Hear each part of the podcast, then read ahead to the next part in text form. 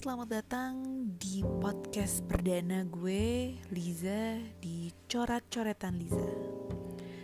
Podcast ini isinya soal cerita-cerita aja sih yang udah gue tulis dan mudah-mudahan sih ini bisa mewakili beberapa perasaan teman-teman terutama mereka-mereka yang butuh teman curhat kali ya. Nah, karena ini masih hari pertama di 2021 gue mau ngucapin selamat tahun baru dan semoga apa yang kita cita-citakan bisa terrealisasi di 2021 episode pertama podcast coret-coretan Lisa ini gue kasih judul The End of the Beginning in 2020 buat teman-teman gimana 2020 nya aman? Capek kesel, atau emosi yang naik turun. Gak apa-apa kok. Apa yang kita rasain tuh valid kok semua.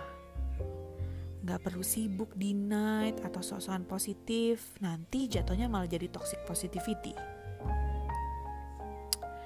Ngerasa pengen nyerah tuh manusia banget kok. Bisa ngelewatin 2020 dengan sehat dan waras itu prestasi loh. Ada sih orang-orang yang sibuk dengan productivity, ya nggak masalah juga selama itu nggak bikin beban buat kita. Setiap orang tuh punya strugglingnya masing-masing. Sama juga kalau kita ngerasa hidup kita tuh yang paling berat. Ternyata di luar sana ada juga yang cobaannya lebih berat. Tapi ya karena mereka juga lebih kuat dari kita. Tapi kan kita hidup bukan buat kompetisi sama orang lain. 2020 bisa juga jadi waktunya kita buat contemplating. Hasilnya, tahun ini bikin gue menyadari bahwa apa yang selama ini diomongin di pesawat kalau lagi safety briefing tuh bener adanya. Selamatin diri kita dulu, baru nolong orang lain. Jaga diri sendiri dengan safety protokol kayak jaga jarak, pakai masker, dan kawan-kawan tuh salah satu cara buat nyelamatin keluarga kita. Simple sih, tapi kadang kita suka lupa. Sibuk membahagiain orang lain. Kerja keras setengah mati buat orang lain, tapi lupa ngebahagiain diri sendiri. Bener, ngelihat orang lain bahagia tuh kita ikut bahagia. Tapi kita harus bahagia dulu. Gimana mau nolong orang lain kalau kitanya sendiri gak selamat? When you can't find your happiness, just create it. Banyak kok yang ternyata baru menyadari di 2020 ini kalau bahagia tuh yang deket-deket aja. Kalau di tengah pandemi kayak gini tuh yang dagangannya dibeli atau laku, itu aja tuh udah bikin bahagia. Yang kena PHK eh dapat kerjaan baru juga udah bahagia. Bahkan yang bisa kerja kayak biasa aja tanpa PHK ataupun potong gaji pasti juga bahagia.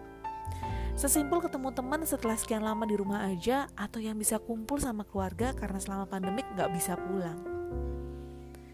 Jadi hal-hal kayak gini tuh nggak melulu soal beli barang atau jalan-jalan ke luar negeri.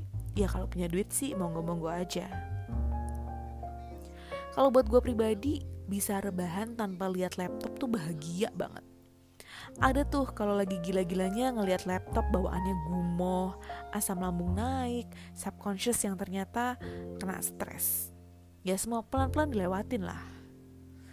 Jadi nggak perlu sibuk banding-bandingin hidup kita sama orang lain. Si ini kok jalan-jalan terus sih, atau si itu kok belanja mulu sih.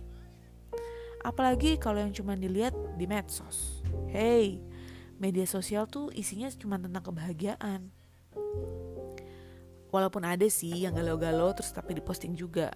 Tapi menurut gue postingan medsos tuh paling cuma satu persen lah dari kehidupan nyata. Masa udah cuma satu persen isinya galau-galau? Jadi buat SJW-SJW yang sukanya hashtag salah fokus, sekedar mengingatkan, atau hashtag cuman saran itu, ya udah dicuekin aja.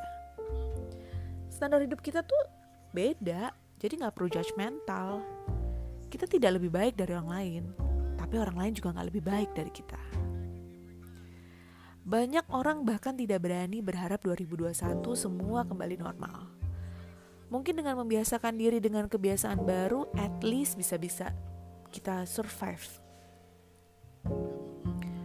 Gue tahu 2021 gak akan mudah dilewatin, tapi gue juga percaya bahwa 2021 gak akan lebih berat juga dari 2020. Kita tuh udah dilatih banget kok buat ngelewatin seberat-beratnya tahun ini, biar siap ngadepin tahun depan. Buat yang karyawan 2021 ya akan sama aja kayak tahun-tahun kemarin. Berkutik dengan rutinitas dan kawan-kawan. Yang bikin beda cuma spiritnya yang kadang juga cuma bertahan di tiga bulan awal. Tapi back again, it's a human being gitu. Gak apa-apa juga, tinggal seberapa besar goals dan dreams yang mau lo capai supaya bisa push your limit. Gagal tuh gak apa-apa lagi.